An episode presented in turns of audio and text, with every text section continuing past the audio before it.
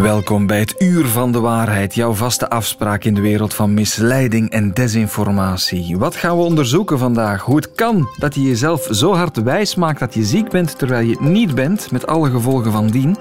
Hoe het komt dat YouTube opnieuw massaal fake news toelaat. En wat met mijn telefoon? Kan die echt zo gemakkelijk gehackt worden? Dat vroeg ik me af toen ik alles weer hoorde deze week over deze Britse roodharige royal de waarheid. Met Dennis van den Buis. Good morning, everybody. Prince Harry claims his privacy was breached by journalists, including phone hacking. De Mirror Group, een van de krantengroepen die zijn telefoon gehackt zouden hebben. Illegally access mobile phone messages, phone logs, medical records, bank details. And thank you for inviting me to speak on this day. Geen enkel probleem. Welkom ook voor jou. Uh, Harry, je bent welkom in het Uur van de Waarheid. Uh, het is die rechtszaak hè, waarin Harry het opneemt tegen de tabloids en ook tegen private investigators die via allerlei illegale methoden zijn telefoon gehackt hadden en van bankgegevens tot informatie over zijn toenmalige vriendinnetjes hadden weten los te krijgen. Is het echt zo simpel? Eddie Willems, welkom in het Uur van de Waarheid. Hallo. Je bent cybersecurity expert bij G-Data. Jij weet alles over computer- en telefoonbeveiliging. Ja, mijn telefoon, iedereen heeft hem bij. Hij ligt hier nu tussen ons in. Ja. Zou jij met mijn telefoon kunnen doen wat die hackers met Harry gedaan hebben? In principe wel. Het hangt er een beetje vanaf uh, welk besturingssysteem je telefoon heeft. Is dat, hoort dat tot uh, een Android-telefoon, dan is dat al wat makkelijker. Hoort dat tot een, uh, is dat een iPhone, iOS, dan, dan is dat al wat van Apple, dan is dat al wat moeilijker. Ja, het is een Android, dus dat is al, al gemakkelijk. Hoeveel tijd zou jij nodig hebben als ik zou zeggen, ja, doe maar, het mag, probeer maar eens even van op afstand. Hoe ga je dan te werk? En in feite moet je, ja, zoals altijd, een beetje een, een phishing-achtig uh, iets naar jou toewerpen, zodanig dat je ergens op gaat klikken en zodanig dat je iets gaat installeren zonder dat je die feiten weet. En, en dat is één mogelijkheid in principe. Gewoonweg, uh, ja, dat, dat, dat, je gewoonweg de verkeerde beslissing neemt op dat moment. En dat is in feite ook hoe dat, dat gebeurt op, op, op PC's en dergelijke. Ja. Is dat dan een mail? Is dat een WhatsApp-berichtje? Is dat een sms? Hoe gaat dat? Kan ook. En uh, we hebben nooit natuurlijk, want je hebt verschillende soorten van wat wij noemen spyware. Mm -hmm. uh, en je hebt heel veel soorten, maar de, je, je, kan ze opdelen in twee elementen. Je hebt eentje, de, de, de, ja, de algemene mensen die dat je wil hacken. En dan is dat via gewoonweg een programmaatje dat je, dus een app dat je downloadt inderdaad, via Google Play of Apple. En, en uh, als dat dan op je toestel komt, dan doet dat zijn gevaarlijk ding, want dat doet in feite niet wat je verwacht. Ja, het is een, een soort... Uh ja, de app die je binnenhaalt is eigenlijk bedoeld om je te bespioneren, zeg je. Ja, Klopt. Is dat bij Harry dan ook zo gegaan? Wel, dat zou kunnen. Um, langs de andere kant, want, want je hebt er twee soorten, heb ik gezegd. Uh, de ene soort is iets dat je zelf in feite bijna in handen hebt. De andere soort is als je echt, nou ja, bespioneerd wordt door grote mogendheden. Uh, nation states, en dat bestaat ook. En dan gaat men natuurlijk een stap verder. Dan kan men gewoon een berichtje zenden naar jouw telefoon. Uh, dat kan ook op een iPhone. Van veel men mensen denken van, dat kan gewoonweg niet op een iPhone. We zijn goed beschermd? Wel, daar kan het ook. En men maakt men misbruik van die kwetsbaarheid in je telefoon. En dan stuurt men een berichtje en dan ben je in feite besmet. Ja, dus eigenlijk, het kan iedereen overkomen, hoor ik jou zeggen. Kunnen we er dan niks tegen doen? Toch wel. Uh, het, het, is in feite vrij makkelijk. Nou, het hangt er ook dan weer vanaf welk besturingssysteem. Heb je een Android-telefoon, dan is het uh, wat mij betreft het meest makkelijke. Je kan zelf al bekijken van heb ik iets raar ondervonden. Zie ik bijvoorbeeld ja, dat, dat mijn telefoon, ja, dat, dat, dat, dat die batterij heel vlug leegloopt en dat die warm wordt. Ja. Dat is een teken aan de wand soms. Maar het kan, kunnen ook andere dingen zijn natuurlijk. Wat je kan doen is natuurlijk uh, zelf eens kijken of dat er ergens een bepaald probleem is. Langs de andere kant kan je ook zeggen van ik ga gewoonweg een security programmaatje, een security app installeren op mijn telefoon en ik ga dat gebruiken om eens te kijken of dat er iets op staat. Dat kan je op Android. Oké, okay. ja. maar niet op iPhone zie ik je denken. Nee, en bij iPhone lig je of ja, zit je volledig in de handen van Apple natuurlijk. Het is een gesloten systeem, het is dus veel moeilijker om te hacken. Maar de hacks die gebeuren zijn natuurlijk wel grote hacks. Dan, dat, dat zijn serieuze dingen. En, en, ja. Dan weten ze meteen alles, want dat is ook een belangrijke vraag. Wat kan je via al die methoden die je daarnet beschreven hebt, wat kunnen hackers uit mijn telefoon halen. Bijvoorbeeld kunnen ze mij zien via de webcam en foto's nemen van alles wat ik doe. Dat wordt vaak gezegd, hè? Klopt dat? Ja, volledig. Spyware kan in feite bijna alles doen wat je wil op je telefoon. Dus ze kunnen al je berichten, al je appjes, uh, alle, alle foto's, alle bestanden op je telefoon, je mail, wachtwoorden, kan men uiteindelijk ook te grabbel nemen en, en, en kan men dus misbruiken achteraf. Dat is wat dat de gewone cybercriminelen doen, natuurlijk op high level, als je dat Mhm. bekijkt ten opzichte van die mogendheden, ja, dan is dat natuurlijk een andere zaak. En dan, dan gaat men zoeken naar andere zaken die belangrijk zijn voor ja, de nation states eventueel. Ja, dan zitten we bij de geheime diensten. Nu, zo'n figuur als Harry, eh, die stapt nu naar de rechtbank. Er waren privédetectives die hem geviseerd hadden, ook gewoon klassiek, hadden afgeluisterd. Ja. Als dat bij zo'n figuren gebeurt, dan denk je, ja, dat is ver van mijn bed. Maar jij zegt, kan iedereen overkomen. Is dit ook een gangbare praktijk van onze vrienden en familie? Lopen wij allemaal het risico? Of zijn er mensen waarvan je denkt, ja, die worden sowieso gehackt zonder het te weten? Hoe groot is dat gevaar? Wel, het, het, het gevaar bestaat. En op Android sowieso meer dan op een iPhone. Dus uh, dat is wel een feit. Natuurlijk, de mensen die aan een iPhone hebben, ja, die, die, ik zou dan zeggen, echt uh, ja, journalisten, pas op, uh, lopen ook gevaar, omdat dat ook wel interessante bronnen kunnen zijn. NGO-medewerkers, nou ja, prinsen kunnen interessant zijn. ministers, mm -hmm. we hebben het hier ook al gezien, dat de ministers in ons land ook die problemen hebben gehad in het verleden. Dus dat zijn zaken die we wel al gezien hebben.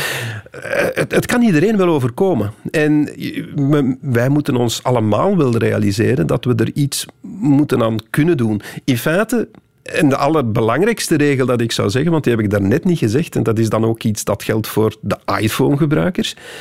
Zie als je een update hebt voor je besturingssysteem, zie dat je die zo vlug mogelijk uh, op je systeem zet. Dat je daar die, die update doet. Dat is heel uiterst cruciaal en uiterst belangrijk. Mensen vergeten dat soms en stellen dat uit. Uitstelgedrag. Ja, want bij Apple is dat nodig, zeg je. Want zij doen de beveiliging. Als je dan bij Android in die App Store of in de Play Store een, een beveiligingsprogramma wil downloaden, stel nu, ik heb slechte bedoelingen of ik ben een, een hacker, ja, dan maak ik van mijn hacking spyware programma toch zo gezegd een anti-spyware programma? Ja, maar dus dat, dat is het nu net. En, en daar zitten de Android-gebruikers dan toch net iets beter. Want de security-industrie, met, het petje van de security-industrie momenteel op, uh, wij kunnen voor Android-toestellen wel degelijk een security-app maken. En daardoor kunnen wij inderdaad een hele hoop, in feite de grootste hoop, van gebruikers in feite goed beschermen. Dat kunnen we niet voor Apple. Dat, is, ja, dat ligt volledig in de handen van Apple. En daar moet je wachten dus op de updates die daar gebeuren in feite. En waar dat Apple dan volledig verantwoordelijk voor is. Dat kan soms, pas op, het kan maanden duren bij Apple soms. Okay. Uh, maar ze hebben dan wel een iets sterker beveiligd systeem. Dat, dat... kan maanden duren, maar stel, uh, Eddie, jij stuurt mij zoiets verdacht. Ik klik ja. daarop. Hoe snel kan het gaan? Hoe snel ben ik alles kwijt of zit ik vast? Oeh, dat kan. Dat is kwestie van paar uur of zoiets, uh, dat die gegevens worden doorgemaild naar inderdaad of doorgestuurd naar bepaalde servers, waar mm -hmm. je dan in feite zelfs een abonnement kan opnemen, want het kan zelfs zover gaan. Je, je hebt ook een soort van, uh, dat is een ander element dat we nog niet besproken hebben. Er zijn ook stalkers die dat bijvoorbeeld gebruiken om hun, ja, om, om, om hun partner te bespioneren. Dan gaat het over stalking, dus zelfs dat kan je doen. Zelfs als gewoon als particulier kan je zelfs bijna in feite ook daar ook zo gaan spioneren. Ja. Dus ook dat is een probleem. En zijn, zijn ook de producenten daarmee bezig, de Androids en de ja, Apples van deze wereld, om dat tegen te gaan? Ja, toch wel. Uh, gelukkig. Dus het is zo dat inderdaad Google, makers van Android en dergelijke, en inderdaad Apple zelf ook een heleboel maatregelen nemen. En dat uh, telkens er inderdaad een update is voor hun eigen besturingssysteem, dat je ook dergelijk natuurlijk, dat je ook degelijk ziet dat er veel veranderd is en dat er veel tegengehouden wordt. Maar ondanks dat heb je natuurlijk nog altijd die beveiligingsapp op Android dan nog altijd wel nodig, vind ik, om toch natuurlijk goed gewapend te zijn tegen dit soort uh, aanvallen. Ik hoop dat Prins Harry het Nederlands intussen ook geleerd heeft. Dan moet hij dit gesprek maar eens herbeluisteren. Dan kan het misschien niet meer voorvallen. Ik hoop het ook. Wat hij daar in de rechtbank allemaal aan het vertellen is deze week voor het eerst in, wat was het weer, uh, meer dan 150 jaar dat een Britse royal in de rechtbank een getuigenis deed. Deze keer over hacking door de tabloids. Eddie Willems, dankjewel voor je komst. Graag gedaan.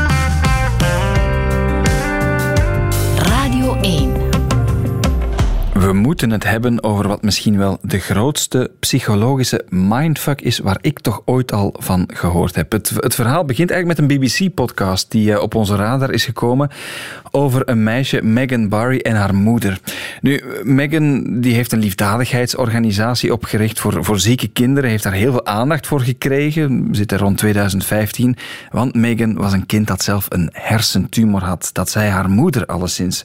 Ze haalde geld op, goede doelen werden opgericht, sterren steunden haar. Maar dan werd ze nog zieker, zei de moeder. Had ze nog meer geld nodig voor een behandeling in Amerika. Dat werd binnen de 48 uur ingezameld. Nog meer geld, nog meer problemen. Uiteindelijk zou Megan overlijden in 2018 en zou blijken dat ze helemaal geen hersentumor had, maar dat ze een aantal behandelbare klachten had, dat een veel te vette lever. Alles had te maken met een aangeprate aandoening en nodeloze medicatie door de moeder. En dat heet Munchausen by proxy. Kinder- en jeugdpsychiater Eva Kestes is bij mij. Eva, welkom in het Uur van de Waarheid. Dankjewel, blij dat ik erbij mag zijn. Ja, want wat een verhaal, wat een, een syndroom. Uh, Munchausen, wat is dat voor iets? Munchausen is een ziekte waarbij je um, jezelf dingen toedient of jezelf dingen aandoet, waardoor je um, ziek lijkt te zijn. En dan met die problemen gaat consulteren bij een arts, um, die dan vaak uh, niet echt iets vindt of um, dingen vindt die niet helemaal passen bij het klinisch beeld. En ja, en dus eigenlijk ga je een dokter bezoeken voor een ziekte die je niet hebt, maar die je wel ja, laten we zeggen, uh, simuleert door jezelf dingen aan te doen. En dat kan door middelen zijn of door ja, jezelf dingen af te binden um, enzovoort. Ja. Je probeert eigenlijk de wereld en de artsen te misleiden en mee te krijgen in jouw ziektebeeld en verhaal, ook al weet je eigenlijk dat je dat niet hebt. Ja, dat klopt. Um, maar ik denk, en, en dat is heel moeilijk vaak voor mensen om te begrijpen, ik denk dat uh, mensen met Munchausen eigenlijk vaak zelf toch ook voor een deel overtuigd zijn dat het wel zo is. Uh, um, en dat het niet gezien wordt door de anderen en dat ze het dan wat moeten aandikken. Ik denk dat er een stuk van hen heel goed weet dat het niet waar is, maar dat er ook, ook een stuk van hen, st van hen denkt dat dit wel zo is. Ja, dat moet inderdaad een echte ja, psychische aandoening zijn. Um, dat klopt ook. Maar dan heb je nog dat verhaal waar we mee begonnen. Munchausen by proxy, dat je dat bij je familieleden, je gezinsleden gaat aanpraten of installeren. Dat is nog een stap verder. Ja, dat klopt. Hè. Munchausen by proxy, de by proxy wijst op dat je um, iemand waar jij voor zorgt, en um, dat zijn vaak ouders bij kinderen, maar het kan ook zijn dat kinderen bij hun zorgbehoevende ouders um, dingen aandoen. Hè. Dus by proxy is het doen bij iemand anders en dat je hen geneesmiddelen toedient of onderzoeken vervalst, waardoor artsen denken dat er een ziekte aan uh, aanwezig is en dan nog meer onderzoeken gaan doen. En ook het, het doen van invasieve onderzoeken door de artsen hoort bij het syndroom. Hoe kan je dat verklaren in iemands geest, dat, dat, dat, je, dat je eigen kind wil aandoen, dat je ja, dat je liever hebt dat ze aandacht krijgen, wordt dan gezegd met dat ziektebeeld, dan dat je hen eigenlijk helpt. Wat gebeurt er in onze hersenen? Ja, het is heel moeilijk om, uh, om het te vatten en te begrijpen. Er is ook nog niet zo heel veel onderzoek naar gedaan van wat, wat speelt er nu precies. Hè. Um, het is ook heel moeilijk om met die ouders daarover aan, als het dan over ouders gaat, hè, omdat zij toch eigenlijk zullen blijven vertellen dat zij die doen voor het goed van hun kind. En um, dat maakt dat ik ook wel redelijk overtuigd ben dat zij er een heel stuk van hen overtuigd is dat dit een goede manier van zorgen is. En, en er is een, een heel scala eigenlijk. Je hebt de extreme vorm waarbij je echt bijvoorbeeld ouders bloed gaan toevoegen aan een urinestaaltje van hun kind om te bewijzen van kijk, er is bloed in de urine, dus er moet wel iets ernstig aan de hand zijn. Um, tot gewoon heel erg overbezorgde ouders die... Um, ja, die bij lichte symptomen bij een kind zeggen van ja, hier, hier moet iets aan de hand zijn en blijven naar artsen lopen om uh, ja, daar een verhaal uit te krijgen. Vaak gaat het over mensen die zelf wel wat hebben meegemaakt in hun verleden, hè, die een, een uh, trauma of zo hebben opgelopen in hun opgroeien. Mm -hmm. Soms gaat het bijvoorbeeld ook over mensen die in een gezin zijn opgegroeid waar ziek zijn de manier is om zorg en aandacht te krijgen. Waar, waar je niet gezien wordt als alles goed gaat, maar op het moment dat je ziek bent, dan ineens is er heel veel zorg en aandacht. En, Het is een ingebakken reflex geworden dan, helaas. ja, dan leer je dat dat is wat je, ehm, ja, wanneer je aandacht krijgt. Of hè, als mensen zelf een chronische ziekte hebben gehad als kind. Mhm. En eigenlijk de medische wereld de wereld is die ze kennen. Maar, Zij- maar hoe sla je, slaag je er dan in om de medische wereld ook te blijven voorliegen, zeg maar? Er moet toch een, arts op een bepaald moment vaststellen, dit klopt niet. Ja, ehm, nu, als arts is het heel vaak moeilijk om, eh, zeker als het over kinderen gaat, je wilt ook niet een, eh, een ernstig ziektebeeld missen. Dus vaak gaan artsen dan toch eh, op onderzoek uit, gaan ze onderzoeken doen. Ehm, deze ouders zijn ook wel heel vaak goed in als ze merken van, oh, ik word hier niet meer geloofd, of er gaan, hè, dat ze voelen dat er, dat er wat wantrouwen komt bij een arts, om dan andere artsen te gaan bezoeken. En dus dan komt er een soort van shopgedrag. Hè. Ehm, dus ze trekken zich vaak terug het moment dat ze voelen, ehm, ja, oei, ik word hier niet meer geloofd, of eh, er, er komen hier wat twijfels. Hop naar de volgende specialist. Ja, en, ja. en heb jij dat ook al meegemaakt of in jouw praktijk tegengekomen? Want als ze bij jou als psychiater terechtkomen, is het gedetecteerd, maar komt dat vaak voor? Wel, het komt niet zo heel vaak voor. Hè. Ik heb nog eens eh, opgezocht ja, hoe, hoe, eh, wat de cijfers zijn. En dat, we, denken, we vermoeden dat het een onderschatting is, hè, omdat het iets is dat niet altijd vastgesteld wordt. Ehm, deze ouders komen ook vaak gewoon over als heel erg bezorgde, zeer eh, zorgzame ouders, net omdat ze zo eh, goed consulteren bij de artsen. Ehm, dus we, zullen er zeker missen, maar het gaat over ehm, ja, vijf op duizend of zo. Dus dat is echt wel niet zo heel vaak. Ik ben Munchausen wel eens tegengekomen als ik eh, stagiair was in het ziekenhuis. En bij proxy één keer mijn eh, carrière als kinderpsychiater. Maar het zijn eigenlijk ook vooral de somatische artsen die vaker te maken krijgen met dit verhaal. Hè. Huisartsen, eh, pediaters, neurologen, dermatologen zullen dit vaker tegenkomen, omdat het net het vaakst gaat over het ehm, ja, uitlokken van lichamelijke ziektes. Het zijn ook vaak ehm, mensen, dat heb ik daar net niet vernoemd, hè, ouders, maar die zelf een medische opleiding hebben gehad, ofwel artsen, verpleegkundigen of zorgkundigen, die mensen die in een ziekenhuis werken, en, ehm, of heel erg geïnteresseerd zijn in die medische wereld. Ze kennen het systeem eh, eigenlijk. Dat is ook een, een voorwaarde dan. Ja, het is, het is niet een voorwaarde, maar het is iets wat dat je wel heel vaak merkt. En mensen kunnen natuurlijk bijvoorbeeld tegenwoordig op internet ook heel, heel, heel veel vinden hè, en heel veel kennis opdoen zonder dat ze echt in die medische wereld rondlopen. Maar je gaat dan wel voelen als je in, met zo'n ouder in gesprek gaat, dat hij daar heel erg mee bezig is, dat hij ook zijn, eh, zijn of haar medische kennis wat zal etaleren, ehm, heel erg aandringt op onderzoeken, ehm, eigenlijk meer gelukkig wordt als er een onderzoek gepland wordt. Eh, terwijl heel veel ouders toch, als, als ze weten dat hun kind een vervelend onderzoek moet ondergaan, ja, daar wat vragen bij gaan stellen. Is het echt nodig? Eh, ja, of dat je de bezorgdheid echt ziet. En bij deze ouders zie je vaker dan opluchting komen. En, en, eh, maar het is heel... Ja, het is een slippery slope. Hè, want sommige ouders moeten ook soms heel hard strijden als zij met hun buikgevoel weten er is iets mis met mijn kind en moeten soms ook een tijdje strijden tegen artsen voor ze echt gehoord en gezien worden, dat een, een, een probleem wordt vastgesteld. En dat maakt de artsen ja, eerder later dan vroeger zullen ehm, echt ook tot die conclusie komen. Als je dit als buitenstaander hoort voor de eerste keer, dan lijkt dat ja, een, een, alsof mensen in een leugen blijven leven, willens nillens. Ja, dat klopt ook wel een beetje. En een heel gezin wordt daar dan ook wel wat in meegenomen. Hè. Ook een kind, en vaak begint het al op jonge leeftijd. Dus voor een kind is het dan vaak ook niet meer een kind wie het overkomt, niet, zo, niet vaak meer niet altijd meer duidelijk. Ja, waar ehm, gebeurt mij dit nu echt? Heb ik nu wel echt hoofdpijn? Heb ik echt buikpijn? Ja, ik denk het niet, maar mijn mama zegt dat het wel zo is. Dus, Ga je eh, dan aan alles twijfelen op den duur als je daarin opgroeit? ja, ik denk dat, dat het worden wel onzekere en afhankelijke kinderen. Um, en dat is dan ook een van de signalen die je zou moeten opvangen. Hè. Dat je merkt dat kinderen eigenlijk minder dan, dan je voor hun leeftijd zou verwachten uh, autonoom functioneren. Dat ze um, ook anders functioneren als ouders afwezig zijn dan als ze erbij zijn. Vaak verdwijnen de symptomen ook als ouders afwezig zijn. En bijvoorbeeld een kind dat wordt opgenomen ter observatie in een ziekenhuis, dat plots dan symptomen verdwijnen. En dat als het kind uh, ontslagen wordt uit het ziekenhuis, dat in de symptomen ineens terug erger worden. Dat zijn zo van die signalen um, ja, waar je extra attent moet worden. Waarom, Eva, heet dat trouwens Munchausen?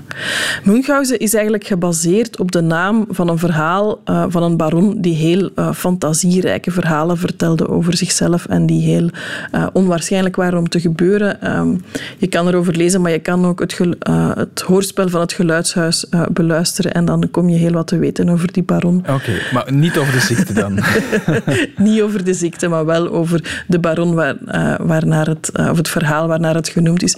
Er worden nu wel ook... Um, ja, soms wordt het ondertussen ook al wel wat een andere naam gegeven als een uh, falsificatieziekte, hè, waarbij je um, ziekte simuleert bij iemand anders. Okay. Dus er wordt wat gezocht naar, uh, om weg te gaan van die naam. Zeer, zeer interessante uh, materie. Ik geef trouwens ook nog de naam van die BBC-podcast even mee. Believe in Magic, want zo heette dan ook weer dat goede doel. Ja, zeg maar even. Mag ik ook iets zeggen? Er heeft recent iemand uh, ook een uh, graphic novel geschreven ah. over Munchausen by proxy. Um, het is een, iemand die het zelf overkomen is, die samen met anderen er een, boek, een graphic novel heeft over geschreven. En die gaat Jij gaat dood. Um, dat hebben we nog niet verteld, want dat in 6 tot 10 procent van de gevallen van Munchausen by proxy kinderen ook overlijden. Hè. Wanneer het niet wordt opgemerkt, um, kan het inderdaad de dood als gevolg hebben. Dus het is toch wel goed om er alert voor te zijn, ook al komt het niet zo vaak voor. Kijk, en nog een uh, leestip rond dit uh, fenomeen erbij gekregen. Kinderpsychiater en jeugdpsychiater Eva Kestes, dank je wel voor je uitleg. Graag gedaan. Het uur van de waarheid. De checkers. Normaal gaat het over zeer gewichtige zaken in deze rubriek. Luc van Bakel, goedemorgen. Dag Dennis, goedemorgen. Maar je hebt me op het hart gedrukt. We gaan het deze week over constipatie hebben. Meer weet ik ook niet. Maar blijkbaar is het een nijpend probleem waar jij mee zit, Luc. Uh, nee, toch niet, Dennis. Uh, bedankt voor je bezorgdheid. Maar met mij gaat alles prima. Maar je weet, we hebben het vaak over wetenschap en gezondheid. En middeltjes die zouden helpen tegen allerlei kwalen. En er stond onlangs een heel artikel in een tijdschrift over constipatie. En met name wat je daar dan aan kan doen. En er zit een heel bekend middeltje bij, of een heel bekende remedie. Want wat zegt de volksmond over constipatie? Wat kan je daartegen doen, Dennis? De volksmond zegt uh, fruit eten, mandarijntjes, appelsinen. Uh, dat is mij toch altijd verteld. Als je gemakkelijker naar het toilet wil gaan in zo'n geval. Fruit eten, omwille van de vezels die daarin zitten. Uh, maar ja, klopt dat ook? Patrick Mully, dat is een voedingsdeskundige, factchecker voor de website Gezondheid en Wetenschap, die heeft tal van wetenschappelijke studies uitgeplozen om voor eens en altijd uit te maken, Dennis, of fruit eten nu helpt tegen constipatie? Ja, zou ik zeggen, maar we hebben eens gekeken naar de wetenschappelijke literatuur en we kijken vooral naar overzichtsstudies, studies die vele, vele studies samenvatten. En wat blijkt daar? Vezels werken, maar dan aan meer dan 10 gram per dag gedurende minstens vier weken. En je weet dat ongeveer een 100 gram appel een 2 gram uh, vezels zijn dan moet je toch al naar, vier, vijf stukken fruit per dag gaan gedurende vier weken. Nee, ik denk dat we hier toch moeten gaan naar uh, supplementen, voedingssupplementen die zijn met vezels. Ik denk dat dat toch wel eenvoudiger zal zijn dan zoveel fruit dagelijks te gaan eten. Ja, genuanceerd verhaal, maar bottom line, fruit en vezels helpen die tegen constipatie? Daar bestaat geen twijfel over. Maar je moet wel karrevrachten aan uh, fruitkakkies bijvoorbeeld eten, maar een voedingssupplement is misschien iets efficiënter.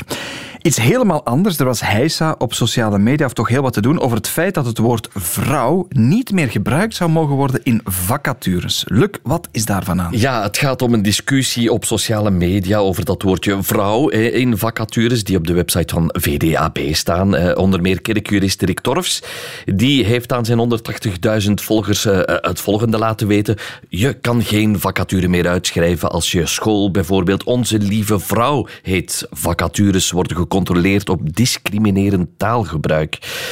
Ja, we zijn zelf eens gaan kijken op de website van VDAB en mhm. wij zagen nog wel vacatures van pakweg een school. Onze lieve vrouw Lourdes of onze lieve vrouw Hemelvaart. Je ziet ook nog vacatures voor vroedvrouw staan ook al met uh, vrouw in. Dus ja, wat was hier nu eigenlijk aan de hand? Van waar nu die discussie? Rien Emery heeft dat uitgezocht. Wel, we hebben gebeld met uh, VDAB en zij vertellen ons dat Werkgevers mogen rechtstreeks vacatures plaatsen op hun site, maar ze screenen wel op bepaalde woorden, waaronder dus ook vrouw. Dat heeft niets te maken met genderfluïde of transpersonen of zo, zoals vaak beweerd wordt eh, de voorbije dagen op het internet. Maar het heeft gewoon te maken met de al decennia oude antidiscriminatiewetgeving. Vacatures moeten voor iedereen openstaan en mogen dus niet specifieren dat men een vrouw zoekt. Dus daar heeft het mee te maken. En uh, stel dat dat gebeurt en je krijgt een waarschuwing dat het woord vrouw niet mag, moet je gewoon even contact opnemen met VDAB en dan klaren ze dat uit en publiceren ze die vacature gewoon.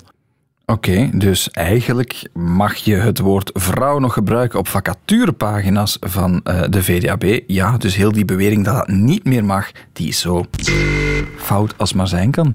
Rick Torfs moet misschien eens vergeving gaan vragen bij onze lieve heer, bij, of bij zijn 180.000 volgers voor dat foutje. Wat ik me wel afvraag, vrouw, daar hebben we het nu over gehad. Zijn er nog van die woorden waarop gescreend wordt? Ja, er zijn, het is eigenlijk een hele lijst. Uh, man, bijvoorbeeld. Elke verwijzing naar een afkomst of een religie wordt opgescreend. Oké, uh, maar tussen de screening en wat er uiteindelijk verschijnt is er nog een hele weg, hebben we daarnet gezien. Uh, Rien vermeldde ook al transpersonen, genderdiscussies. Daarover gaat ook het volgende verhaal. Want er is een conflict geweest op de gemeenteraad van Yper in West-Vlaanderen rond de Progressive Pride Flag. Wat is daar aan de hand? Wel, uh, het is de Pride Month. Dat is de maand dat er wereldwijd eigenlijk aandacht wordt gevraagd voor de aanvaarding van seksuele minderheden. En dan wordt er in veel gemeenten een vlag uitgehangen. Uh, vaak is dat de regenboogvlag. Maar je hebt daar eigenlijk ook een variant op. En het is over die variant dat het gaat. Dat is een regenboogvlag. En er staat een driehoek op met verschillende kleuren, uh, waaronder wit, blauw en roze. Mm -hmm. Dat zijn eigenlijk de kleuren die staan voor de transgendergemeenschap. Maar over die kleuren is er dus veel discussie. Want zo wordt er beweerd op sociale media, maar dus nu ook in die gemeenteraad in Ieper daar, dat die kleuren eigenlijk staan voor het aanvaarden van pedofilie. Ja, uh, waarom of hoe of waar komt dat nu vandaan? Dat legt Jeff Kouwenbergs ons uit. Kleine groepen radicale influencers zeggen dat er een link bestaat tussen bijvoorbeeld de roos, wit en blauwe transvlag en een soortgelijke vlag voor zogenaamde MAP's. En dat staat voor Minor Attracted Persons, of mensen die zich aangetrokken voelen tot minderjarigen. En die laatste vlag, ja, die is eigenlijk onzin. Hè. Ze werd in 2018 door een anonieme troll bedacht op de blogsite Tumblr en heeft nooit echt ingang gevonden bij een of andere groepering. De Progressive Pride Flag, die nu uh, overal in het straatbeeld opduikt, is eigenlijk al in 1999 bedacht door een uh, Amerikaanse marinier. En die is eigenlijk veel ouder dan die zogezegde pedofielen vlag. Oké, dat is duidelijk. Die vlag, staat die voor de aanvaarding van pedofilie? Nee, totaal niet. Eh, laat staan dat daarover politici interpellaties zouden moeten doen in de gemeenteraad. Dat klopt dus niet. Het is een andere, maar nog altijd wel een gewone progressieve vlag voor het aanvaarden van seksuele minderheden. Luc, waar kunnen we alles rustig nalezen? Je kan dat op de pagina van de checkers.be. Daar vind je alle factchecks van KNAK, van Factcheck Vlaanderen en van ons eigen huis, de VRT. Luc, dankjewel. Heel graag gedaan. Het uur van de waarheid. Je zou denken, als het gaat over verkiezingen en fake news, dat alle alarmbellen afgaan. Maar wat horen we vanuit Amerika? Google heeft besloten dat er op YouTube dat daar fake news over de Amerikaanse verkiezingen van 2020, dat ze dat fake news er niet meer gaan afhalen, niet meer als fake gaan labelen, dat mag gewoon vrij verspreid worden. Al was dat tot voor kort anders. Hilde van den Bulk, professor communicatiewetenschappen aan de Drexel University in Philadelphia. Welkom. Goedemorgen. Hilde, wat is dat allemaal? Dat is toch vreemd nieuws? Het is zeker wel een beetje vreemd nieuws. Hè? Dus YouTube, het wil zeggen Google, heeft beslist om specifiek eigenlijk de vele claims uh, dat de vorige presidentsverkiezingen in de Verenigde Staten gestolen zijn, dat ze daarop niet meer specifiek gaan controleren, hè, de, de, content, hè, alle YouTube-filmpjes, en dat ze ook niet meer uh, gaan verwijderen vanuit hun visie, omdat dat discours gevoerd is, zeg maar, en dat dat uitgeklaard is. Nu, dat is inderdaad, denk ik, in Amerika woonde nog niet uh, beklonken voor in de hoofden van vele mensen en een heel aantal aantal politici. Maar dat neemt niet weg dat YouTube toch beslist heeft dat ze dat specifiek, eigenlijk dat soort uh, misinformatie niet meer gaan opsporen en verwijderen. Dat wil niet zeggen dat ze, uh, als het over verkiezingen gaat, Amerikaanse of elders in de wereld, helemaal niks meer gaan controleren. Ze hebben wel nog altijd een uh, ruimer, algemener beleid over misinformatie in het kader van verkiezingen. En dat gaan ze wel nog blijven controleren. Dus dat gaat dan over inderdaad uh, Bijvoorbeeld mensen ontmoedigen om te gaan stemmen. Of echte uh, leugens over kandidaten. Of dat die verkiesbaar zouden kunnen zijn of niet. Dus er zijn wel nog altijd een aantal regels. dat is niet helemaal het Als de race bezig is, dit gaat over die van 2020. Wat zit daar dan achter? Zeggen ze, ja, het is de moeite niet om dat te doen. Is het een besparing? Ligt dat gevoelig in Amerika? Hoe moeten we dat inschatten? Het is, ja, het is een combinatie van dingen, denk ik. Hè. Een van de dingen, denk ik, is dat uh, natuurlijk het businessmodel van, uh, deze, van, van YouTube, maar alle sociale media, is om een zo breed mogelijk publiek te bereiken. Hè. En zij moeten dus die regels altijd een beetje afwegen tegenover het, zeg maar, te veel uh, alieneren van mogelijke klanten, want dat zijn wij allemaal voor hen als wij op sociale media zitten. Dus dat speelt een beetje mee. Een ander ding dat meespeelt is zeker ook de kost voor YouTube, maar al die sociale media, om dat allemaal op te sporen. Die hebben allemaal waarheidsteams of, of ethische teams. Het heeft verschillende namen bij die sociale media. En dat is een waanzinnige taak. Uh, algoritmes kunnen hen daarbij helpen, maar dat is soms toch nog altijd gewoon ook een team van mensen dat moet controleren uh, of die dingen inderdaad misinformatie zijn. En we hebben in al die sociale mediabedrijven zien we het laatste jaar heel veel uh, besparingen en ontslagingen, uh, ontslagen. Pardon. En ja, dat kost geld. Mm -hmm. en dus die afweging wordt ook wel degelijk gemaakt. En dan denk ik, en, en een derde ding is zeker ook dat dat, um, dat zijn Amerikaanse bedrijven en in de Verenigde Staten denk ik, ik denk dat in alle democratieën uh, free, uh, uh, vrijheid van meningsuiting en ook het vrijheid om het garen van informatie, dat staat in de Belgische grondwet, dat staat in de meeste Europese democratische grondwetten, dat staat in de Amerikaanse grondwet als the First Amendment, free speech. En dat is hier denk ik helemaal aan de top van alle um, de grondwettelijke rechten dat mensen hebben. Hè. En dus dat wordt hier heel, heel breed geïnterpreteerd. Zeg maar. ja. Is dit nu een grote overwinning? Wordt dit gevierd door mensen die zeggen: ja, die verkiezingen zijn gestolen, dit was effectief eentje voor Trump? Um, denk voor een beetje wel. Ik weet niet in welke mate dat zij daar ook allemaal zo mee bezig zijn, maar ik denk zeker wel. Er, zijn, er is hier nog altijd een toch wel aanzienlijk deel uh, van het kiezerskorps, zeg maar. Hè, en de volgende verkiezingen komen eraan, die nog altijd overtuigd zijn en daarin zeker ook niet ontmoedigd worden door politici om te denken dat eigenlijk uh, op dit moment Trump nog altijd de president van Amerika zou moeten zijn. Dus is het dan gevaarlijk zin... wat er nu gebeurt? YouTube doet? We hebben wel gezien dat op een gegeven moment heel wat mensen dachten dat ze uh, Capitol Hill moesten bestormen. Hè. Dus dat was toch niet niks, denk ik, in een democratie. Als een hoop uh, mensen denken dat ze inderdaad naar het hart van de democratie moeten gaan, omdat ze vinden dat daar verkeerde dingen gebeuren. Dus helemaal onschuldig is het zeker niet. Um, ik denk wel dat ondertussen inderdaad, we hebben ook net uh, weer vernomen hè, dat uh, de grote kandidaat waar het over ging, uh, voormalig president Trump, ondertussen um, opnieuw is aangeklaagd voor iets. Dus ik denk dat het onder, ook op andere vlakken ondertussen natuurlijk de strijd wel verder gaat tegen misinformatie en tegen alle dingen die eigenlijk die democratie ondermijnen. Maar het, ja, het is toch wel misinformatie op grote schaal is niet alleen in dit land, maar overal, natuurlijk toch wel echt een probleem voor het goed functioneren van een democratie. Hè? Ja. Het valt wel uh, op, Hilde. Dit gebeurt nu in Amerika, maar wat er wel in de gebruikersvoorwaarden staat van YouTube, is dat valse claims over de Duitse vorige verkiezingen en ook die van Brazilië, dat dat wel verboden is op YouTube. Dus daar zitten toch wel verschillen tussen Amerika en de rest van de wereld. Denk aan Europa. Ik vermoed dat uh, die twee landen die je vermeldt daar ook wel uh, individueel mee onderhandeld hebben met YouTube. En dat is, denk ik, als communicatiewetenschapper, denk ik dan ook. Dus we, vinden, we zijn eigenlijk op een punt waar dat, uh, we van de grondwet verwachten, dus van de overheid verwachten, dat die zegt um, dat die vrijheid van mening garandeert. Maar hoe dat in de praktijk dan eigenlijk gebeurt, zijn eigenlijk private bedrijven. En eigenlijk zou je, als je het cru stelt, is het eigenlijk Musk op Twitter en Zuckerberg op Facebook, die eigenlijk beslist wat die grenzen zijn. En dat is dan weer interessante gesprekstof voor een Europees programma over misleiding, zoals het Uur van de Waarheid, om jou vanuit Amerika erbij te halen. Communicatiewetenschapper Hilde van den Bulk, dankjewel voor je tijd en je uitleg. Graag gedaan. En daarmee zit deze podcast van het Uur van de Waarheid er weer op. Een co-productie van VRT Nieuws en Radio 1. Wil je meer weten over de wondere wereld van desinformatie, complottheorieën en fake news? Herbeluister dan alle eerdere afleveringen. Dat kan via de app van VRT Max. Tot de volgende.